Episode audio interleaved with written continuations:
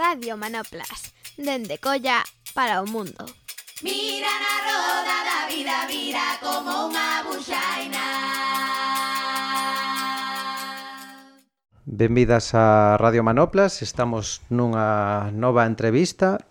En este caso creo que que é moi real isto de desde Colla para o mundo porque estamos con Álvaro Gago Díaz eh, que, bueno, podemos arrincar por aí que estiveches en moitos lugares do territorio do, do mundo eh, pero con inicios en colla, non? Eh, hola Álvaro, antes de nada Hola, que tal? Eh, eso, primeiro, igual algunha xente agora te coñece porque eres o director de Matria, unha peli que está estes estes días nos que gravamos moi como moi na prensa e moi, non? moi na por aí na vida, pero igual algunha xente non sabe que ti as teus primeiros pasos ou vida fixeches por aquí por este barrio, non? Sí, por suposto. Eh, eh, con, é orgullosísimo de ter feito así, non? De feito, eh, antes de vir aquí a estar contigo aquí nesta sala, fun eh, a, ao instituto onde estudei e removeuseme todo por dentro. Como che comentaba fai pouquiño eh, son un tipo bastante melancólico e, mm, entón apenas entrei xa empezaron a vir imaxes e sons dunha infancia e dunha adolescencia que pasei por aquí e, e da que gardo moitos recordos así en, eh, como en casi en terciopelo. Eh, supoño que a memoria tamén fai un exercicio aí de selección importante, non? Eh, pero o certo é que veño aquí eh, se me remove todo en, en bueno, eh, sí, en positivo eh, eh, casi mm, entro unha especie de viaxe eh, conecto con unha especie de, de esencia tamén eh, parte desa esencia ten que ver co, co espazo non? Eh, co Repasando con, con unha persoa, con Rubén, que é coñecido dos dous, eh, me dicía que case estiveches ou pasaches polos sitios máis eh, de colla que poda haber. Viviches nos volcáns, que agora é un volcán. Eh, eh. Estudaches nos Seiz do Nadal. E caín nos volcáns, además, de pequeno. Na auga do, dos. Na auga dos volcáns, sí. Estudaches no Seiz do Nadal, no Cristo sí. da Vitoria sí. e no Colla 2, e sogaches tamén o balomano no Seiz do Nadal. Sí, Seguro que foches a mercar ao campo tamén, digo, como todas as cousas. claro, e aínda merco de vez en cando no campo, o sea, sí, sí, sí. Eh, o meu grupo de colegas é de, de aquí eh, eh, dende, dende número 80 venía Castelao e iban camiñando Cristo da Victoria e tamén o pabellón de Colla despois. Eh, a Balomán estiven xogando aí moitísimos anos. De feito eh, parte dese grupo de amigos ten, ten que ver co equipo de Balomán eh, que se formou por aquel entonces. Eh, e que xa, bueno, que viña xa do Seis Nadal, sí? Eh, un, tamén un, un grupo, será o que recordo con máis eh, intensidade ese grupo de persoas eh, pais e nais que vían no deporte unha unha, unha oportunidade para crear comunidade non? máis aló despois das competicións X eh, eso para nos nenos era ouro eh,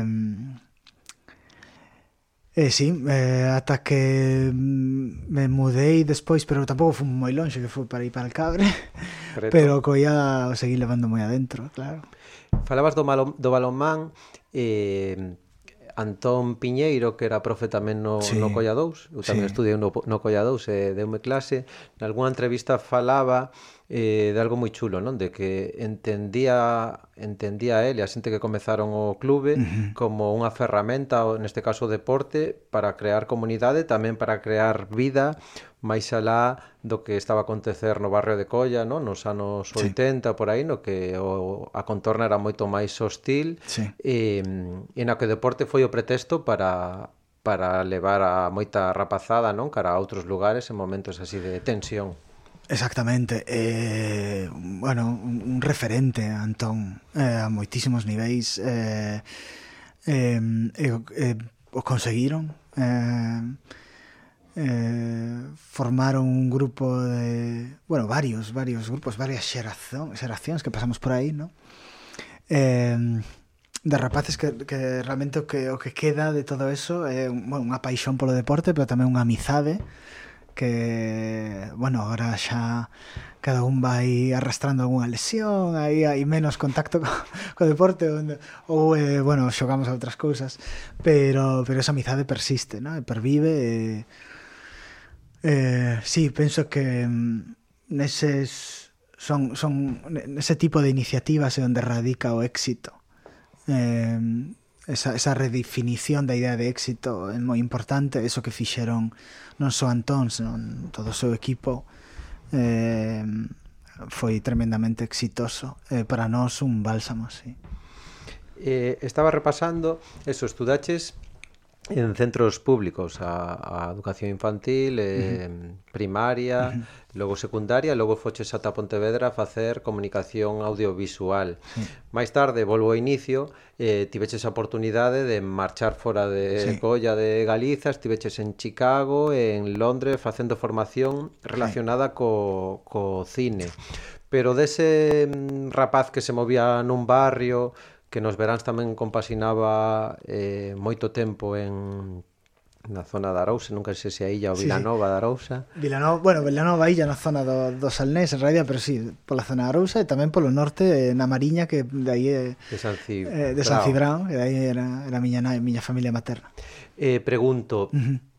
Eh, non sei se te lembras do choque do que supuña para ti ese cambio de, de pasar de, de un territorio aquí, de, da Galiza, do barrio, a logo a saltar a Londres, a Chicago, bueno, serán grandes grandes cidades, cidades máis cosmopolitas, non sei se se lembra, remasan, lembra. Re, volvando atrás na memoria se, se lembras algo do deses primeiros anos ou dese choque se que houbo. Sí, sí, sí, un choque forte. Eh, en, Chi en Chicago fun, cun, fun becado cun programa que se chama ISEP de intercambio que penso que aínda existe, que está na Universidade de Vigo, e que, e que che permite, a mí me permitiu pas, pasar un ano eh, ali nos Estados Unidos eh, prácticamente gratis, me pagabanme a matrícula. Bueno, despois ti tiñas que pagar eh, a matrícula por un ano dun estudante americano que viña aquí á Universidade de Vigo, pero en comparación era bastante... Bastante mellor. Sí. Eh, eh, recordo... Eh, al um, chegar a Chicago e realmente bueno, sen, sentirme en xeral bastante desprotexido, fora da miña burbulla. Eh, o cal por, veume moi ben porque tamén eh, espabiloume rapidamente e sí que é certo que ali en Chicago eh, pasei a formar parte por pura casualidade dunha compañía de teatro, a compañía de teatro da universidade, e aí sí que atopei o meu grupo dentro, no? eh, relativo, con, con relativa rapidez. Eh, entón, e ademais foi un grupo que me recibiu cos brazos abertos. Eh, e foi nese grupo que empecé a, a topar pois as novas amizades, ademais eu por aquelas prácticamente pois é que pouco pouco inglés, bueno, algo tiña, pero pouquiño, de repente pois eso me, me eh, bueno, foron moi moi receptivos e me recibí, sí. Eh, eh, por aquel entonces tamén a, ni, en, a nivel familiar se empezou empezou a, a, a morrer bastante xente pues, da miña familia, sobre todo todas, todas as mulleres, as miñas aboas, a miña madriña, a miña nai. Eh, entón, o choque tamén de deixar un Vigo e un mundo meu eh, o que sabía que nunca máis ia volver eh, foi importante, moi importante. Eh, e ademais eu sendo tan nostálxico pois eh, sempre teño inclinación a anclarme no pasado no? E, a, e a trasladarme aí eh, entón bueno tam, foi, foi unha xestión importante da, da, da dor e do, dos loitos progresivos dende, dende fora e ao mesmo tempo ir eh, pasado ese, ese choque inicial ir fora eh, permitiume ser tamén un pouco a, a persoa que son hoxe e que continúa en todo caso en desenvolvemento. Eh, se son que son, son grazas tamén á liberdade coa que desenvolvín a miña vida fora eh, eh, bueno, toda, toda, toda unha experiencia. Eu sempre animo a, a que de alguma maneira ese choque se, se produza en algún momento da, da vida. Eh, se non me trabuco, tes unha irmá e un irmán, non? Unha irmá, so. Ah, unha irmá. Sí. Eh, esta pregunta igual fala máis de, de mí que de ti. Sí. Eh, os, os dixemos que, que viviches en Colla, que medraches en Colla, para moita xente supoño que Colla eh, será como referencia de, de xente traballadora en Citroën, en Vulcano, pero ti medraches nunha familia eh, polo menos cunha situación sociocultural igual distinta ou máis elevada a media que podía haber aquí. O teu pai era catedrático na uni, a túa nai eh, dedicábase ao mundo sanitario, non? Uh -huh. eh, É certo isto que digo? Como é máis alá diso que supuso para ti medrar nunha familia na que supoño que eh, o contexto cultural ou sociocultural eh, non digo que fora moi distinto ao resto dos teus compañeiros, pero bueno, mm, no que había como uns, uns mínimos, unhas bases que igual non eran coincidentes co resto da... ou coa maioría da xente, non? Do barrio. Sí, en todo caso, am, am, tanto por parte de nai como por parte de pai eh, vimos de familias traballadoras eh, mm, no, no caso a miña nai familia bastante pobre eh, os sacrificios que digo que facer a miña aboa materna para mandar a, a miña nai e a miña tía a estudar fora foron tremendos. Nunha época no, na, na que demais eh, non, se, non se vía ben socialmente que as mulleres non estivesen facendo calceta, que estivesen gastando cos cartos non sei onde, non? Eh, tampouco porque daba esa inversión non daba un rédito inmediato. Eh, entón eh, a miña familia paterna sí que tiña algo máis de marxe a nivel económico, pero tampouco, sabes, unha familia traballadora, a miña avó era peluqueira, pero sí que había unha vontade de de, de supoño que de, de mm, progreso, de, de poñer a, a cultura tamén no centro da actividade cotiá, se había un, um, unha querencia por iso en, en o meu na miña casa tamén, non? Entón eh, bueno, pois eu son discípulo tamén dese interese meu pai e miña nai anda que bueno, tivesen eh, un se dedicase a, a investigación en economía verde, miña nai fose analista no, no hospital tamén había moito espazo para eh, todo tipo de actividades culturais eh, se, lle daba, se lle daba unha importancia na casa eh, eu supoño que son sai un pouco de aí, non? eh, o meu principal informante para esta entrevista me dicía que tanto a, a, o teu pai como a túa nai eran persoas eh, encantadoras. Te pregunto a ti, aparte como te gusta a nostalgia, aquí seguimos tirando de ese fío, uh -huh. que que destacas do que fixeron ti agora es pai tamén de dúas crianzas, eh, do que fixeron Cando tiras pequeno, que destacas ti que te viu ben para o Álvaro agora xa maior ou pai? Na parte wow. igual máis eh, eh, emocional ou a cultural acabas de nomear, non? Que sí. para te ter un contexto cultural eh, eh, que te posibilitou moitas das cousas da actualidade, pero en outras partes detectas algunha ou eres que ou te animas a compartila, se non tampouco pasa nada. É eh, unha pregunta... Nunca, nunca me tiveron feito esta pregunta. Eh... Mm... Te asudo eu mentre sí. pensas. Sí, sí. Eh, a, tanto as dúas curtas que vin, 16 de decembro, como Matria, como a película que vin, eh, desprenden no, nos espectadores eh, como unha gran sensibilidade a hora de tratar as realidades que, non? que uh -huh. achegas que me din tamén que coincide con, con parte do teu carácter, non? De, uh -huh. de que eres unha persoa sensible, que, bueno, coidadosa tamén, E entendo que iso tamén sería algo que se vivía na casa, non? Supoño por parte da, da, túa, da túa familia. A preocupación por como estaban as sí. persoas e pola vida das persoas. Sí, sí, sen dúbida, sí. Eh, un núcleo moi tenro e agarimoso, sí. E non só, e non só cos, cos máis achegados, a miña casa, por exemplo, sempre foi unha centralita a partir das sete da tarde. E miña nai habitualmente estaba dende as sete da tarde ata as dez da noite falando por teléfono con xente xente que tiña algún problema ou que tiña algún pariente con algún problema de saúde e, e que pois quería o consello a miña nai, non? E, eh, entón, eu, eh, sí, nós sempre nos expuxemos a, a ese despliegue eh, de xenerosidade pola súa parte, que seguro ten, ten moito que ver. O meu pai, o despliegue era idéntico, pero na esfera educativa. Entón víamos que sempre estaba disposto a, a falar, a visitar, a aconsellar, pero un consello dende... De, eh, uh, quizáis non tendo en, en conta tanto a súa posición e o que el querería, senón a posición da persoa. Entón había, aí había un exercicio de empatía que supoño que, que era importante.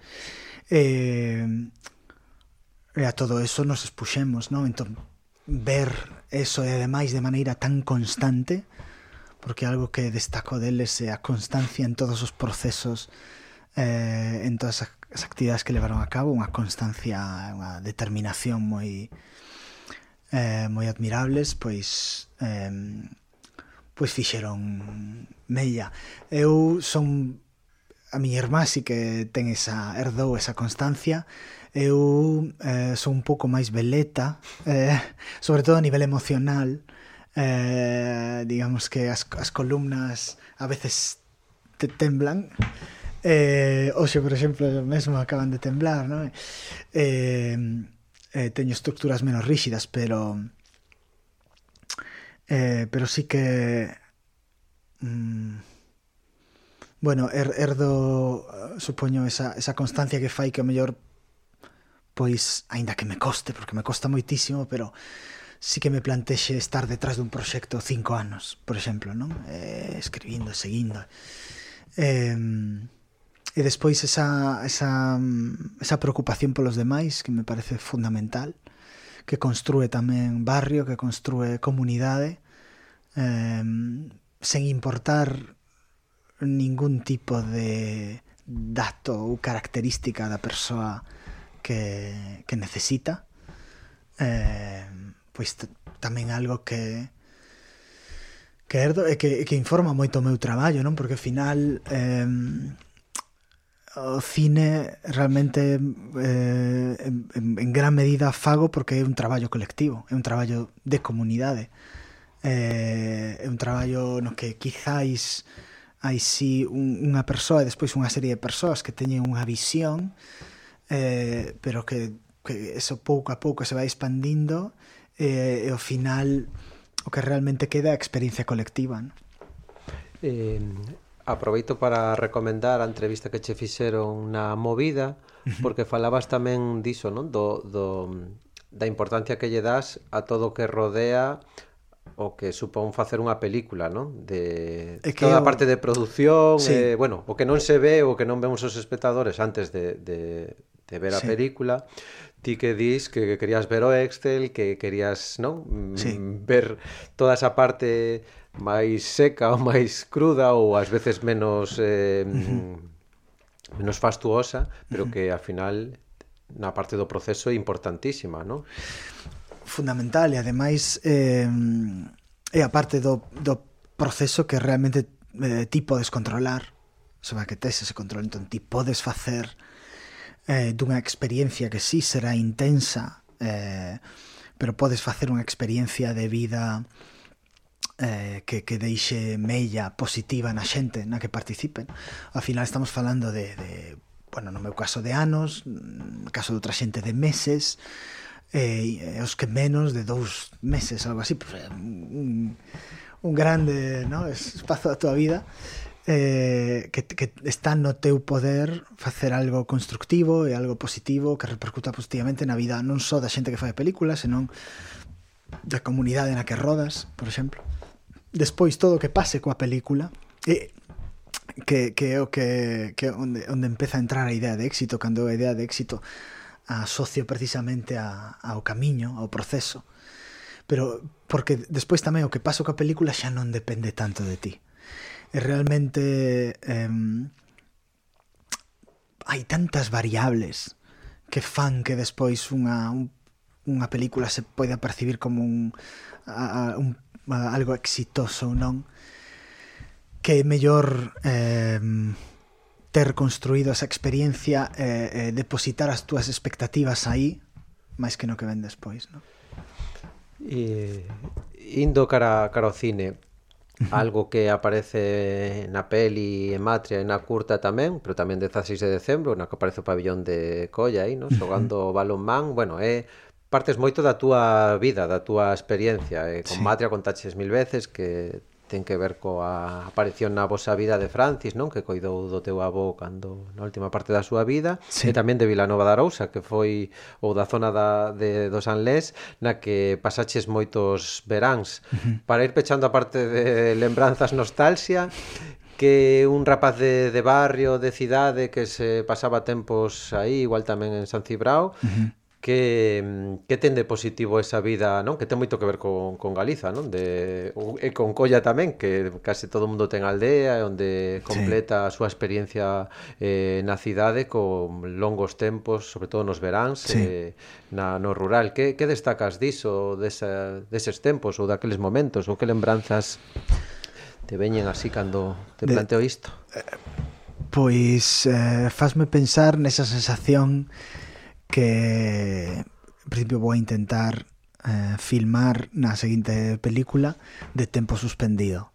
Eh, é unha das é uns dos desexos. Hai outros, eh, eh, hai, pero pero esa, ese tentar captar esa eh, sí, ese tempo suspendido que asocio moito a infancia a vivir exclusivamente no presente.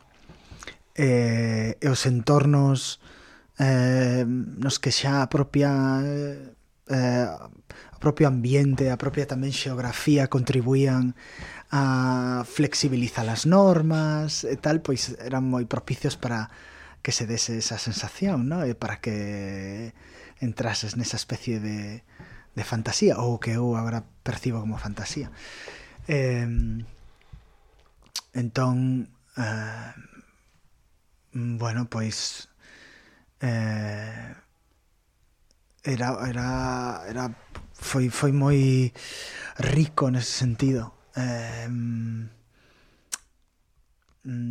sí, unha sensación de de, de liberdade eh, moi forte tamén de autenticidade eh, digamos que nas cidades eh, daquelas quizáis un pouco menos agora un pouco máis xa percibía algo máis de artificio eh, eh, cando, cando iba aos meus respectivos povos, tanto a San Cibrao como, como a Arousa, pois estabas un pouco máis en contacto co, co terreo, no? Quizáis por eso tamén eh, sitúas as historias aí, porque hai unha sensación de que estou máis cerca da vida, eh, e menos, menos nas, nas máscaras ¿no? que, un, que sobre todo nos poñemos eh, eh, cando estamos, non sei por qué, pero cando estamos rodeados de máis hormigón eh, sí eh, estaba que pasaba a infancia e adolescencia na rúa cando iba aí menos nas menos na, nas, na, nas catro paredes da casa, máis en contacto coa xente, máis en contacto co, coa comunidade, a encolla tamén, pero eh, ali con, con incluso iba un pouco máis aló, non? Eh... Estamos case rematando eh, esta entrevista antipromoción porque casi non imos falar de... de Mellor que xa falei no, por eso, de, moitísimo. Pensaba antes de chegar aquí que o tedio que pode ser estar repetindo non en trope mil entrevistas eh, os porqués de Matria e eh, tal. Pero bueno, só por, por apuntar eh, que en moitas entrevistas o contas que a figura de Francis non? Na, uh -huh. na túa vida é central uh -huh. antes eu creo que falaches tamén de outras mulleres non? Na, na túa vida eu creo que un pouco feo que dous homes heteros creo que nos poñamos a falar aquí de mulleres de feminismo non de pero eh, me parece moi chulo eh, volvo de antes a sensibilidade eh, tamén a, mm, a certeza ou a claridade con que trata as realidades que viven os corpos femininos na nosa sociedade, non? Por mor do, do patriarcado, do, do machismo que, uh -huh. que padecemos. Pero penso eh, que dous homes falando de feminismo está moi ben. Sí, eh? sí, no, claro que sí. Que, que ten que suceder con máis frecuencia, o sea que... Que o, que o naturalicemos, non? Sí, non o vexo nada feo, ao contrario. Bueno, digo, me parece feo que nos deramos aquí clases de feminismo no, eso que, sí que, no, que, no, nos, tiren, que nos cancelen o programa. Nesa posición, en absoluto. O sea. que corte todo o mundo, se iso pasa, que corte. eh, eso, pero eh, chámame moita atención eh, eh, valoro un montonazo a, a eso que dicía antes, a sensibilidade a, a non sei, a, a verdade que hai nas historias que contas ti no, mm. nas, nas túas nas túas películas. Eh, a ver, supoño que se che pregunto como se fai, será moi difícil enuncialo, pero polo menos cale a túa mm, con que vocación comezas cando te enfrontas a, a escribir e logo a gravar unha peli se tes algúns medos ou algunhas precaucións ou, ou algúns Todos. elementos que dis isto non podo recuncar co que xa fixeron outros, non? Que retrata, bueno, non? Ah. Que, que, que elementos eh, son para ti centrais a hora de contar que logo creo que se están valorando moito sobre todo co, co, coa peli con, uh -huh. tamén coas curtas eh, Medos, moitos, eh, todos. Eh, vulnerabilidade, eh, toda. Eh, dependendo do día podo eh, a mellor ser máis articulado menos en función hoxe por exemplo me sinto bastante vulnerable. Eh, despois o nun, nunha primeira instancia eu o que intento eh, eh, seguir o meu instinto eh, o meu estómago. Eh, eh, todos e todas temos moitas ideas, pero hai eh, se, se deixas repousar esas ideas o tempo suficiente hai algunhas que de maneira natural se van definindo e outras que van caendo. Entón, eu penso que un exercicio de o que fago un exercicio de escoita, porque esas ideas que sí que perduran son as ideas que que son, son que responden máis quizáis a sensacións, a impresións son eh, ideas que teñen unha verdade dentro, unha honestidade, un que me fan sentir eh, algo eh, que, que responden uns impulsos eh, que eu identifico como eso, honestos, como verdadeiros e que ademais me van a permitir despois eh, recurrir a eles durante ese período tan largo no que hai que estar empurrando para chegar a facer un proxecto e no que e, e, ademais durante o cal se vai a cuestionar constantemente, ¿no? Entonces ti tes eses elementos eh, claros, as columnas, como esa esencia do proxecto moi moi clara, eso tamén axuda ao longo prazo, ¿no? Entón eu o que fago é intentar escoitarme eh, eh, e ver eh, de maneira natural que o que que o que me está chamando, ¿no? Eh, es, supoño que eses, eses intereses, que ao final son eso, intereses, eh, ao final responden tamén a um, impulsos, a experiencias a, que estás acumulando a medida que vives um, pois pois eh, son eso son indisociables do, do, do teu entorno, non? Eh, entón supoño que as, todo o que estás adquirindo, eh, todo ese coñecemento que ven por tantas vías tamén está informando ao final esas escollas, non? A veces te podes equivocar, a veces a veces no, eh,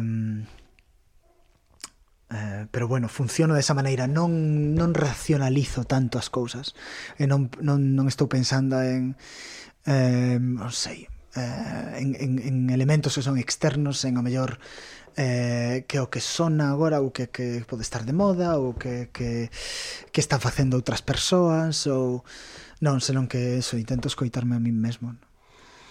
Álvaro, en Ganeite dicen que eran 25, levamos media hora, pero isto remata... é que falo super lento. remata cando eu digo, eh, eu pregunto cunha canción coa que queiras que nos despidamos. Pois pues mira, eh, a miña parella é italiana, en, en, na miña casa se escoita moita música italiana, eh, pero porque traio a casa porque me encanta. Eh, agora estou como meu fillo maior escoitando unha canción que a él lle encanta que eh, Lano que verrá de Lucho Dalla. Pois con esa canción que non vou reproducir o título que damos escoitando. E nada, eh, moitísimas grazas por este tempo. Eh, a vos. Claramente animamos a, a xente logo de coñecerte algo mellor a que vaya a ver Matria eh, moi recomendable e tamén as, as diferentes as curtas anteriores e que nos estaremos pendentes tamén de Porto Alegre que en algún momento sairá pero bueno, sí. por ahora aproveitemos Matria. Sí, que ainda sigue salas en quinta semana. Pois pues nada, moitísimas grazas Álvaro. A vos. Hasta logo. Chao.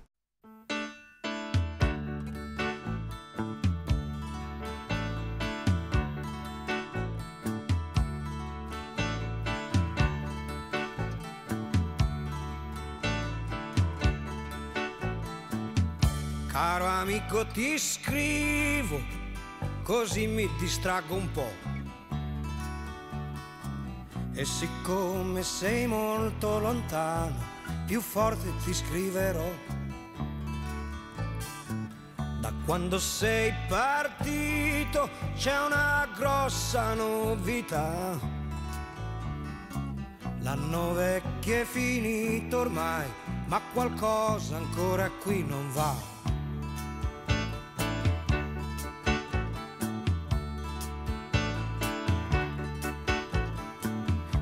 Esce poco la sera, compreso quando è festa. E c'è chi ha messo dei sacchi di sabbia vicino alla finestra. E si sta senza parlare per intere settimane. E a quelli che hanno niente da dire del tempo ne rimane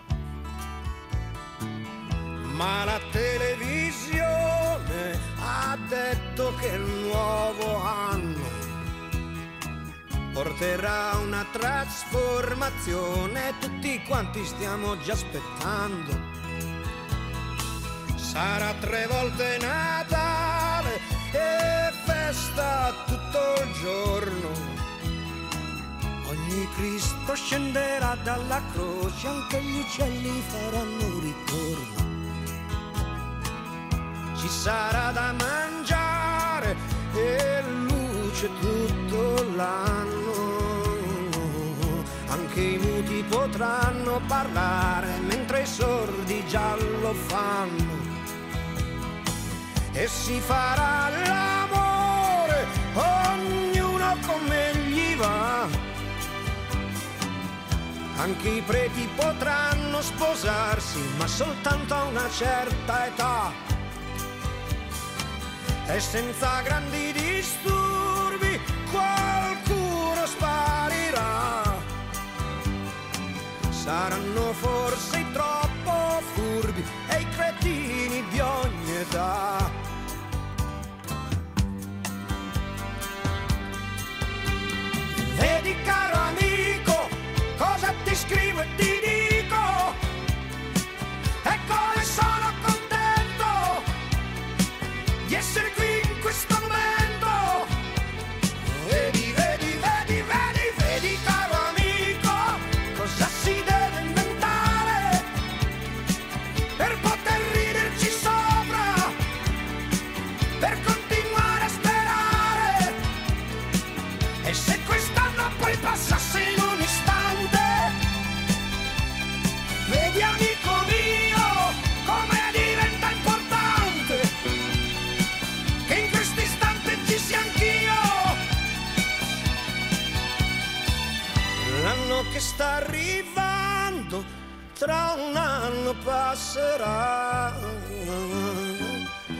Mi sto preparando, è questa la novità.